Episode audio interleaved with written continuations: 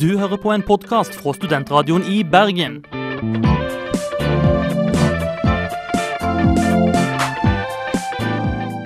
Denne og mange andre flotte podkaster finner du på podkast.srib.no.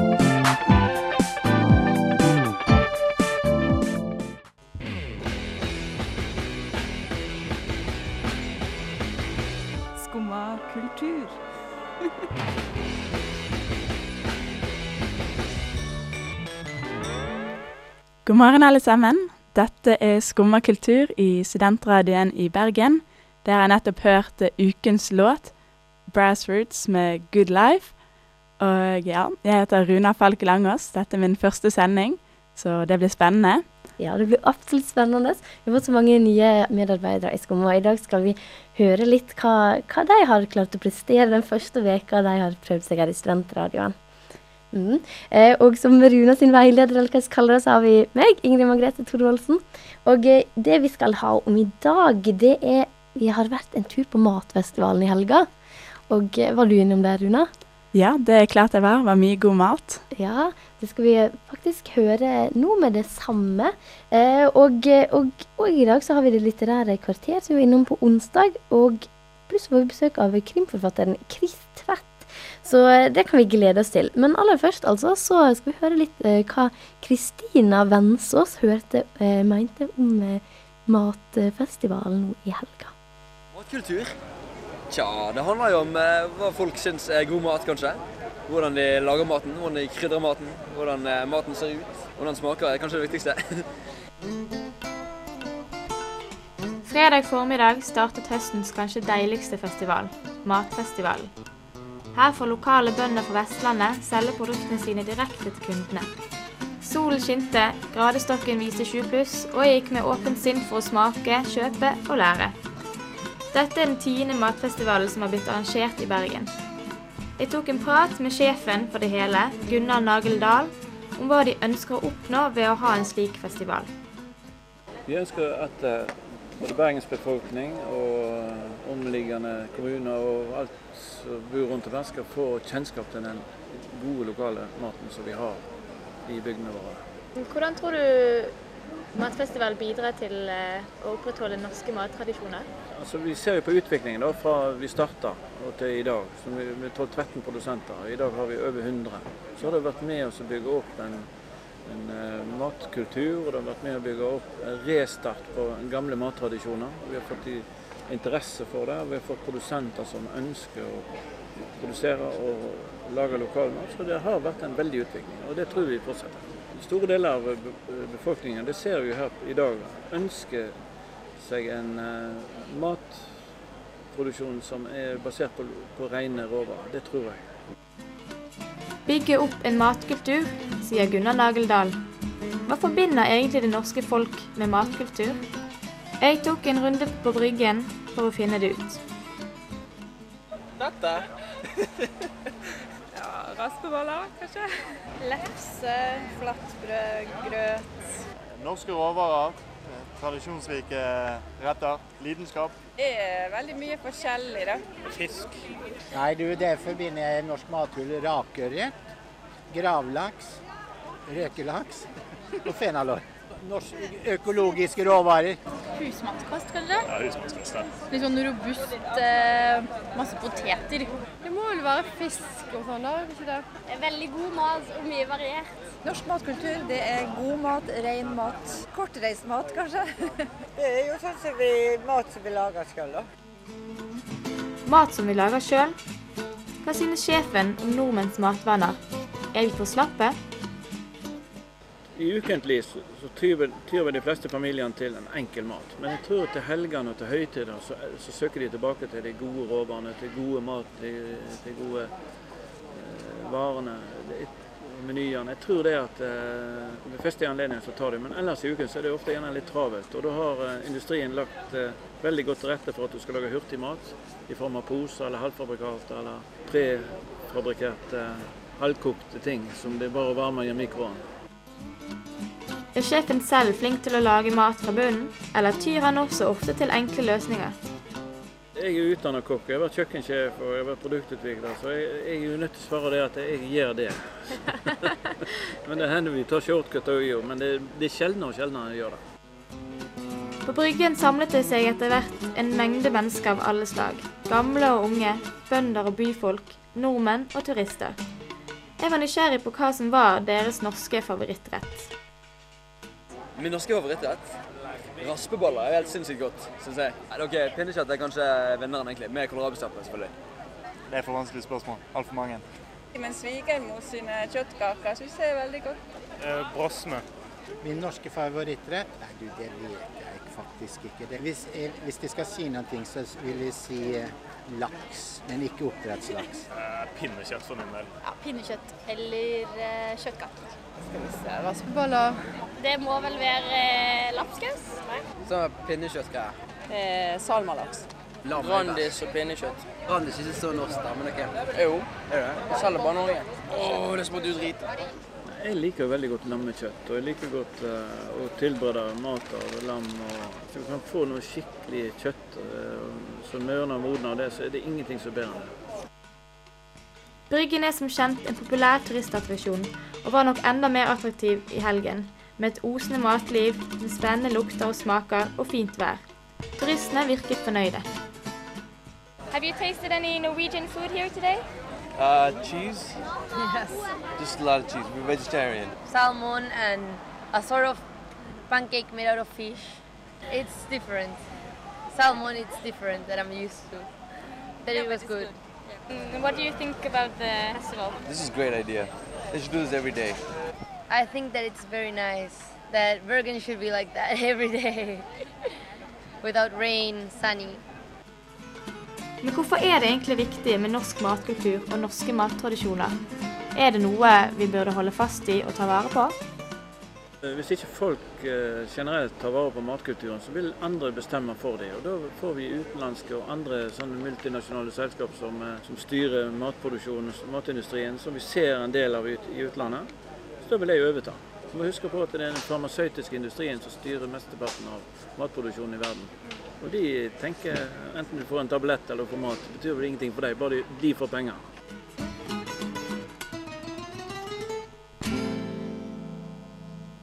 Der hørte vi Kristina Vensås som snakka med Gunnar Nagel Dahl, sjefen for eh, matfestivalen her i Bergen som var i helga. Eh, og eh, ja, Runa, hva vi skal høre nå? Nå skal dere få høre en sang med et band som spilte på Fonofestivalen på lørdag, nemlig Soul of Jesus med sangen Sea Talk.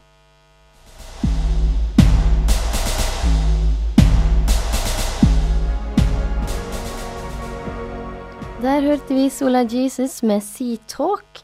Og eh, nå får vi snart besøk her i studio av Chris Tvedt, kriminalforfatter som er ute med en ny bok, 'Dødens sirkel'. Eh, da gleder vi oss til det.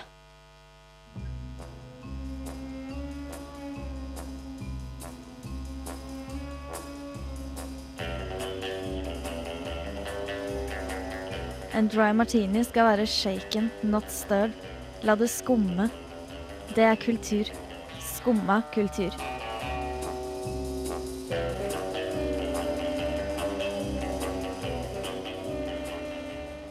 Hei, velkommen eh, Chris Tvedt. Tusen takk. Ja. Eh, du har nå kommet ut eh, med en ny bok, 'Dødens sirkel', som er den femte boken i den kritikerroste serien om advokaten Michael Brenne. Kan du fortelle litt om serien? Ja, det kan jeg for så vidt gjøre. Som, som du sa, så er det blitt fem bøker etter hvert. Og det syns jeg er fascinerende mye. Jeg ser på de bokhyllene, og så ser jeg at det tar liksom en, en ordentlig god chunk av bokhyllen min. Da blir jeg faktisk ganske fornøyd. Men jeg begynte i 2005. Ja. Da kom første boken som het 'Rimelig tvil'. Og den kom egentlig som følge av en, av en sykemelding. En sånn perfekt sykdom. Ikke for syk, men akkurat syk nok til å kjøre på jobb. Så Sykt nok til å kunne produsere noe, kanskje. da skrev jeg en bok istedenfor. For det var så kjedelig å bare være hjemme. Ja, det handler jo om eh, advokaten Michael Brenne. Eh, Jeg hadde lyst til å fortelle litt om konseptet. Han, eh, hva det handler om, rett og slett? Felles fengsel? Altså, utgangspunktet, utgangspunktet er jo mine egne erfaringer. For jeg har jo jobbet som forsvarsadvokat i Ikke bare det, da, men det også, som i kanskje 17-18 år her i byen. Og da var det et greit sted å begynne når man skulle skrive krim, tenkte jeg. For det at jeg vet litt om det. Så om ikke annet så sparer det meg for ganske mye research. Og siden jeg er en doven sjel, så passet det bra. Eh, og så er det nå sånn at, at forsvarsadvokater kommer borti mye faenskap, da.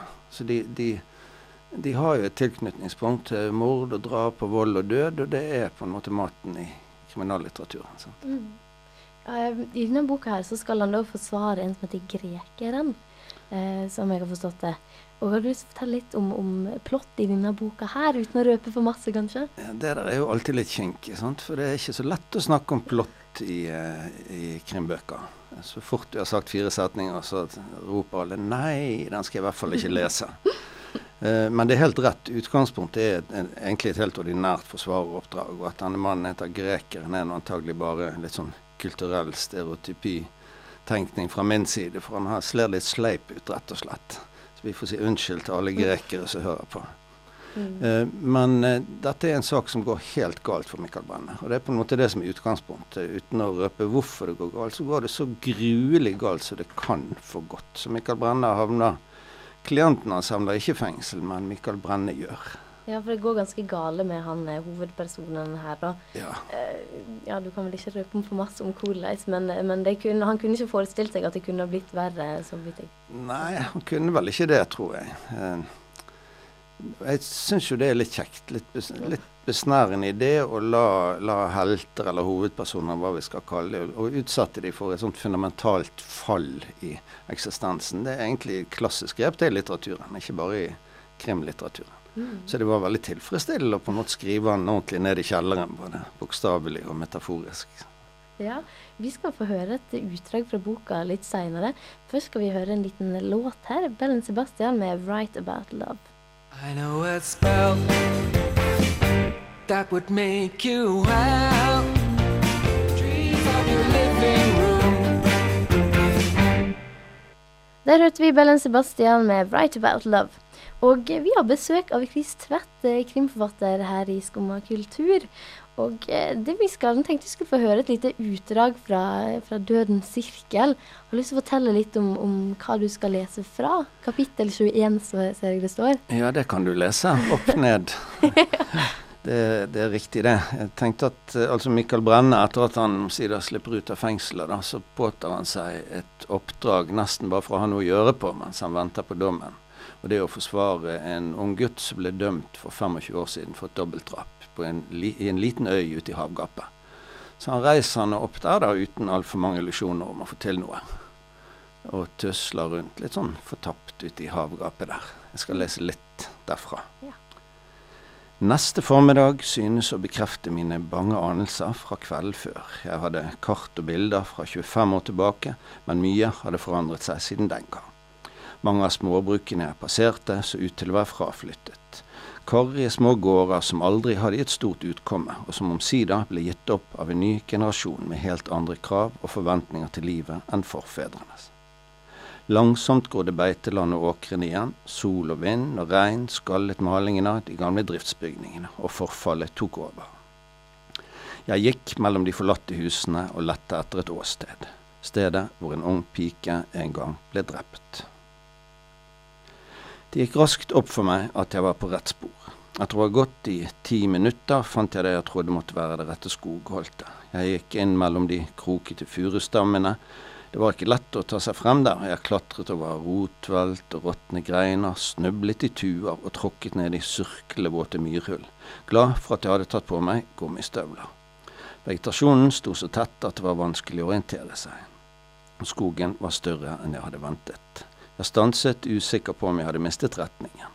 Det raslet i underskogen et sted bak meg, og en kvist knakk. Jeg sto og ventet litt, trodde jeg fikk et glimt av noe mellom de gule og brune bladene, men var ikke sikker. Bygningen, som var avmerket på kartet, viste seg å bare være en liten utlue, kanskje en gang i tiden brukt til å oppbevare redskaper i. To av veggene var av gråstein, og de sto fremdeles, men resten av bygningen hadde sunket sammen til det ikke var stort annet igjen enn råtten plank og mosegrodde skiferstein.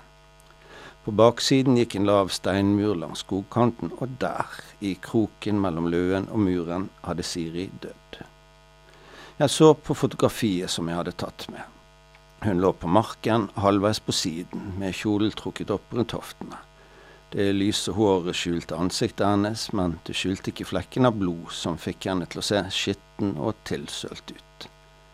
Ved siden av hodet hennes lå en rund, ujevn stein, litt større enn en knyttneve. Steinen var også farget rød. Der hvor hun en gang hadde ligget, vokste det nå et kratt av ville bringebærbusker med halvvisne og sørgmodige blader. Marken, som den gang hadde vært dekket av saftig grønt gress, var nå full av tuer med stive, gule strå.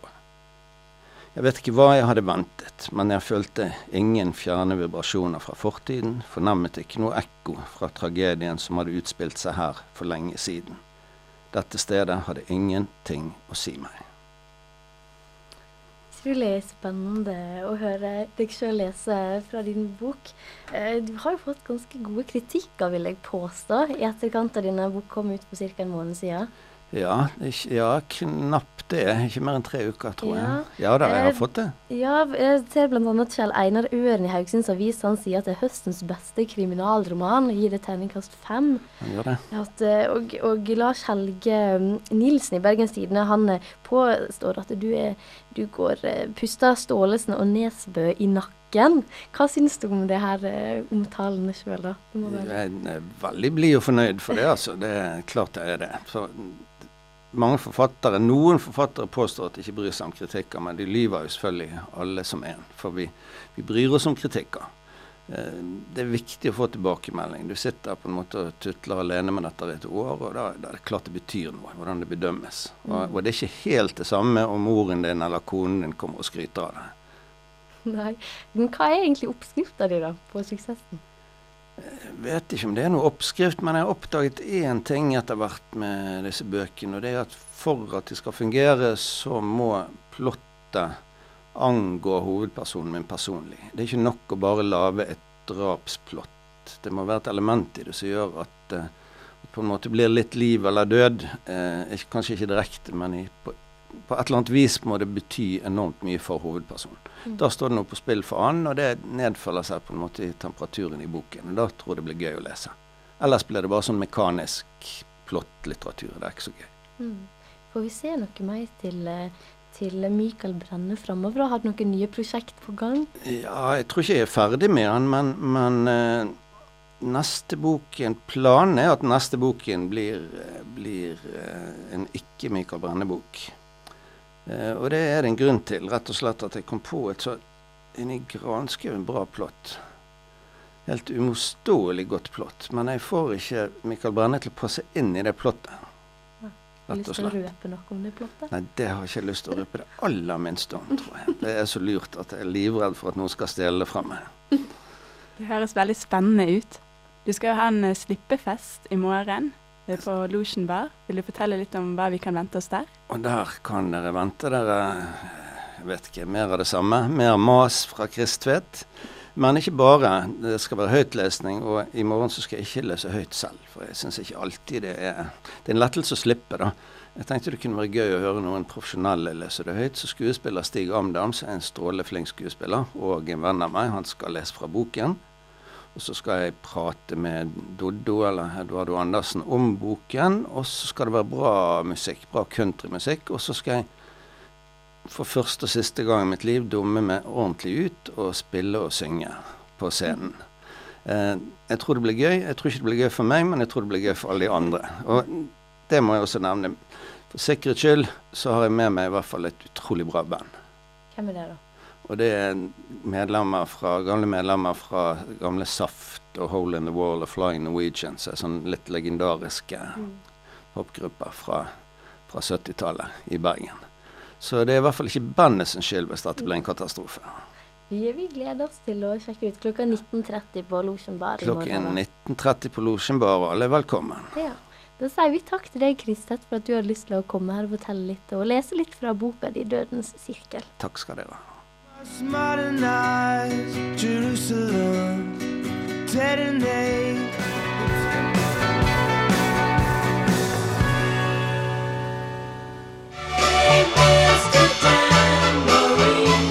Mr. Tambourine Man! Mr. Tambourine Man. Skumma kultur. Vi har det du leiter etter.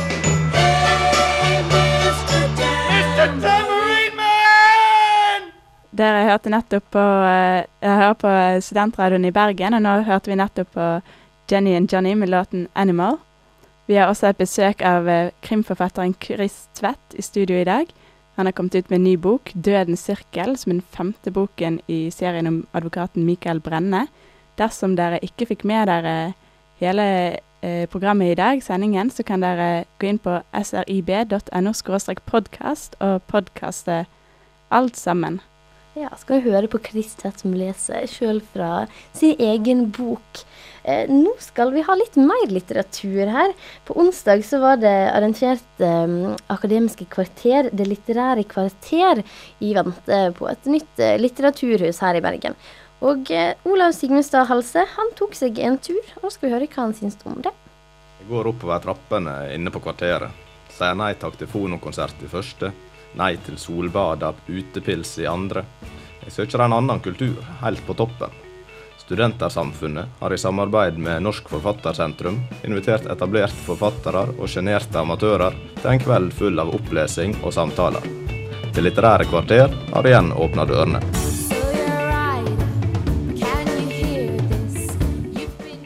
Men tredje etasje er ikke stor. Tredje etasje er kun en foajé og storlosjen. Sistnevnte er bare i bruk fram til klokka halv ni. Og godt er det. Litteraturprofessor Eivind Kjønneland kan i sitt miniforedrag om Knausgård la lyden fra de andre etasjene i huset passere, men dunkinga ville vært direkte ødeleggende for de fleste skjønnlitterære opplesninger.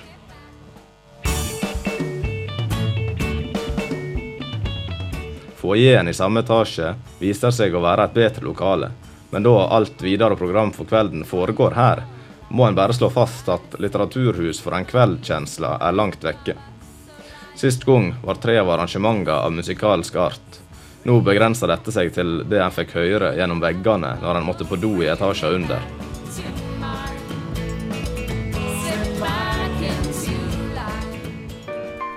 Så mye om lokalet. Publikum fikk servert et interessant og variert spekter av litteratur denne kvelden. Særlig utmerkte to debutanter seg med svært ulik opplesingsstil, men der begge var tydelige og lette å følge etter både to og tre øl. Du er 19 og jobber som hjemmehjelp hos en gammel mann med sår på beina. Istedenfor å vaske leiligheten hans, kjøper du øl til han. Han sier ingenting om din manglende vasking, og du sier ingenting om hans drikking. Og dere sitter der i den skitne leiligheten hans og spiller kort, mens han drikker seg full og snakker om tiden på sjøen. Og forteller de samme historiene om igjen og om igjen. Og utenfor i de blåløse trærne sitter kråkene og sier kra, kra. Dette var Nina Lykke, som las fra Orgien og andre fortellinger. Den andre debutanten var Ina Aasheim, som her leser fra romanen 'Mamma vet ikke hva som er deilig', som er fortalt fra et barn sin synsvinkel. Skal du ikke ut i det fine været, sier hun. Du må leke ute nå som det er fint. Hun går og kommer tilbake med en kopp saft. Hun tar meg i hånda og leier meg ut. Ute er det overskyet. Ei anna flott oppleving var å høre den arabiske poesien til Manal al-Sheikh. Hun er tidligere journalist som har flykta til Norge etter trusler i heimlandet Irak. Vi fikk først dikta omsette til norsk, før forfatteren sjøl las på arabisk, med talende blikk og enkle, men effektfulle håndbevegelser. D'Arc. Som henne vil jeg bruke svart magi og lede en revolusjon i landet mitt. Men jeg skal ikke la flammene fortære meg. Jeg roper ikke ut budskapet. Jeg har trenglet et krematorium for flammene. Jeg er stille. جان دارك مثل جان دارك سأمارس السحر الأسود وأقود ثورة بلادي لن أدع النار تأكلني مثلها فأنا رسمت محرقة للنار هذه المرة إنها صمتي I konkurransen Compoetition ble scenen åpna for publikum sine egne skriverier. Tida som ble satt av til dette, ble i hovedsak fylt av de to konkurranselederne, som ikke hadde stort annet å si enn 'kom igjen nå, det må vel være noen flere som har med seg en tekst i lomma'. Og det var jo mange flere som deltok sist gang. Siden det stemmer godt at det var større deltaking sist gang, har arrangørene her noe å tenke på. Kanskje bør både generell PR, lokalitetene og krasjet med Fonofestivalen komme med i disse tankene. Så vil vi kanskje slippe at Det litterære kvarter òg neste gang blir avslutta med at juryen lar to av de tre premiene gå til konferansierene sine egne tekster. Der hørte vi Olav Sigmundstad Halse som rettet et eh, litt kritisk blikk mot det litterære i kvarter. Det er òg noe vi her i Skumma skal gjøre. Være litt kritiske, rett og slett. Nå får vi en liten sang. Life in the Future med sangen Let You Go.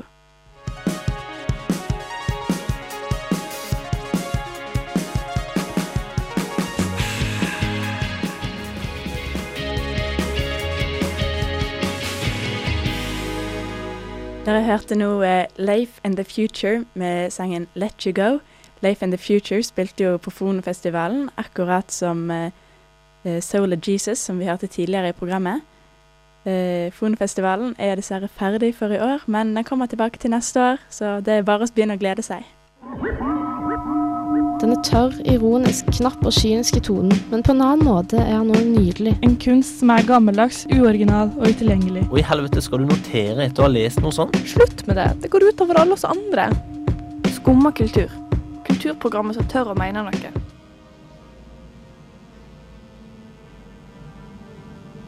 Skumma kultur gir deg ukas kulturanbefaling.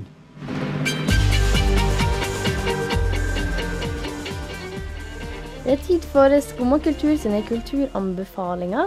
Eh, Denne veka her så eh, kan vi anbefale Bodil Røvik Larsen, eh, som har noe gående på, på verftet. Og det, det er Fixed Point, heter den utstillinga. Og det foregår 6. til 23. september. Og det jeg har gjort, det er eh, å ha familiebilder fra 1920- og 40-årene. Eh, som er plassert rundt på turistkart. Riktig. Ja. Og jeg har liksom en gummistrikk. Hva er greia med den gummistrikken? Rune? Ja, hun har eh, plassert eh, røde knappenåler på ytterpunktene til det sosiale rommet da, til familien. Eh, og tatt en gummistrikk rundt som viser hvilket område de bevegde seg innenfor. Og dette prosjektet vi trekker linjer fra før og frem til dagens nåtid. Eh, og man kan se hvordan endringer har eh, foregått i det sosiale rom. Det er nok veldig spennende. På Borggården USF altså, det er den Mm. gangen fra kafeen og bort til eh, Sardinen. Eh, neste anbefaling er utstillingen No More Bad Girls på Galleri 3,14. Det er et prosjekt som undersøker geopolitisk kjønnsproblematikk. Og det her er kvinnestemmer fra fem kontinent og en rekke land som Indonesia, Iran, Palestina, Pakistan, Tyrkia, Guatemala, Sør-Afrika, Russland, Polen, Estland, Tyskland, Østerrike, Sveits, Nederland, England og USA. Eh, det er en variert utstilling med videokunst, installasjoner og foto. Eh, og kunstnerne tar opp temaer som likeverd, frigjøring for kvinner verden over på det sosiale, økonomiske og rettslige området. Det høres veldig spennende ut, og den er gratis. Og den feirer også at i år er det akkurat 100 år siden kvinner fikk allmenn stemmerett ved kommunevalg i 1910 i Mm. Norge. da. Og vi hadde faktisk besøk av, eh, av eh, sjefen, lederen for eh, Galleri 314, på vår radiokafé forrige mandag. Der snakka hun om No More Bad Girls i forbindelse med, med ei kløft, den kulturelle kløft der. Så verdt å sjekke ut, altså. Eh, Den siste kulturanbefalinga i dag er Knut Jung Lunde sin roadshow-eventplan på N3. Og eh, en form for ung samtidskunst, rett og slett. Eh, Ja. Eh, N3 er et kunstnerstyrt eh, visningsrom som ble etablert i fjor av Cato Løland og Randi Grov Berger. De ligger i Nøstegaten 42, og de eh, har satt seg fore å synliggjøre bergenske kunstscenen og promotere ung samtidskunst. Denne utstillingen eh, er åpen fra 10. til 28. september, og lørdag til tirsdag fra 12 til 16. Ja. Rett å ta turen, altså. Nå skal vi få høre Go Fandango med I Salute You Baby.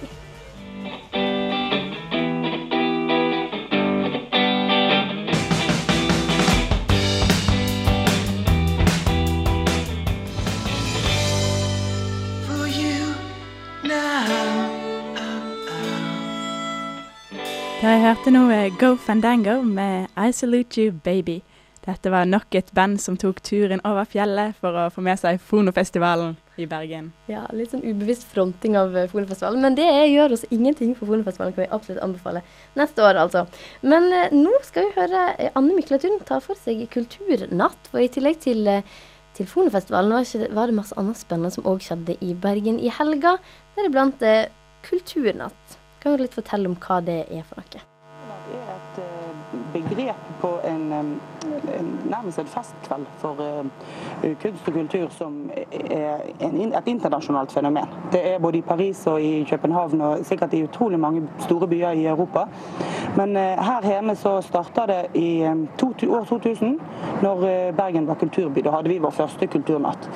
Og Kulturnatten går ut på at alle institusjoner har åpent til langt utover vanlig åpningstid med utvida kulturtilbud, og at alt er gratis. Sånn at vi skal rett og slett stimulere til kulturell nysgjerrighet. Nå står jeg her med konferansieren for dansescener på Torgallmenyen.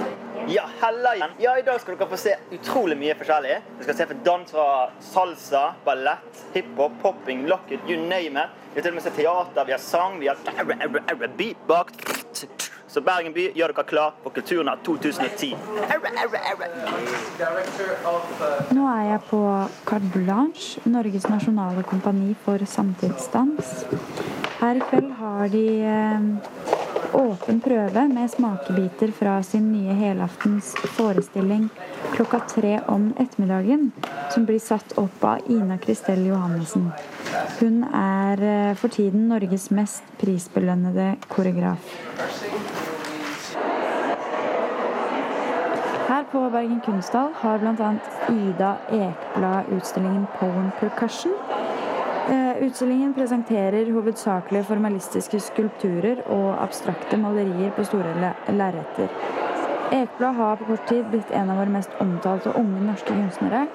Hun eh, bemerket seg tidlig med en idébasert kollasjekunst som med humor og kritisk distanse undersøkte avkroker i amerikansk ungdomskultur. Musikalitet er et veldig viktig stikkord for eh, kunstnerskap, der improvisasjon, spontanitet og tilfeldigheter er helt avgjørende for den skapende prosessen. Fra Bergen kunsthall går jeg videre til Det hansiatiske museum. Jeg intervjuet en av de som jobber som guide, for å høre litt om hvilke tilbud de hadde på Kulturnatt. Her på museet det er rett og slett at eh, de jobber igjen, hansiatene. Ja, så de kom tilbake, og så jobber de veldig hardt. Da har det vært en innholdsrik kulturnatt, og jeg avslutter kvelden med en akustisk intimkonsert med David Pavels på Vågen Fetvare.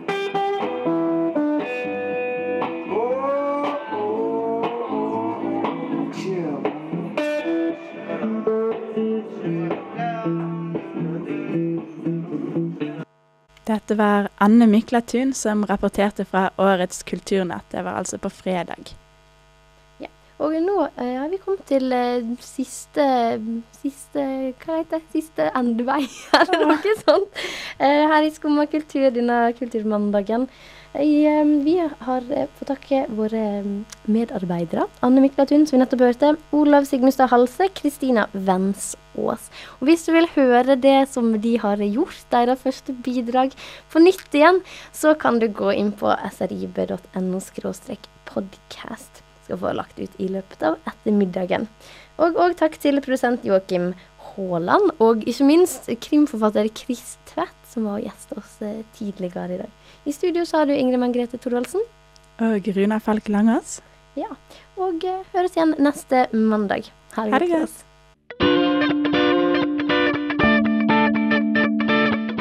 Du hører på en podkast fra Studentradioen i Bergen.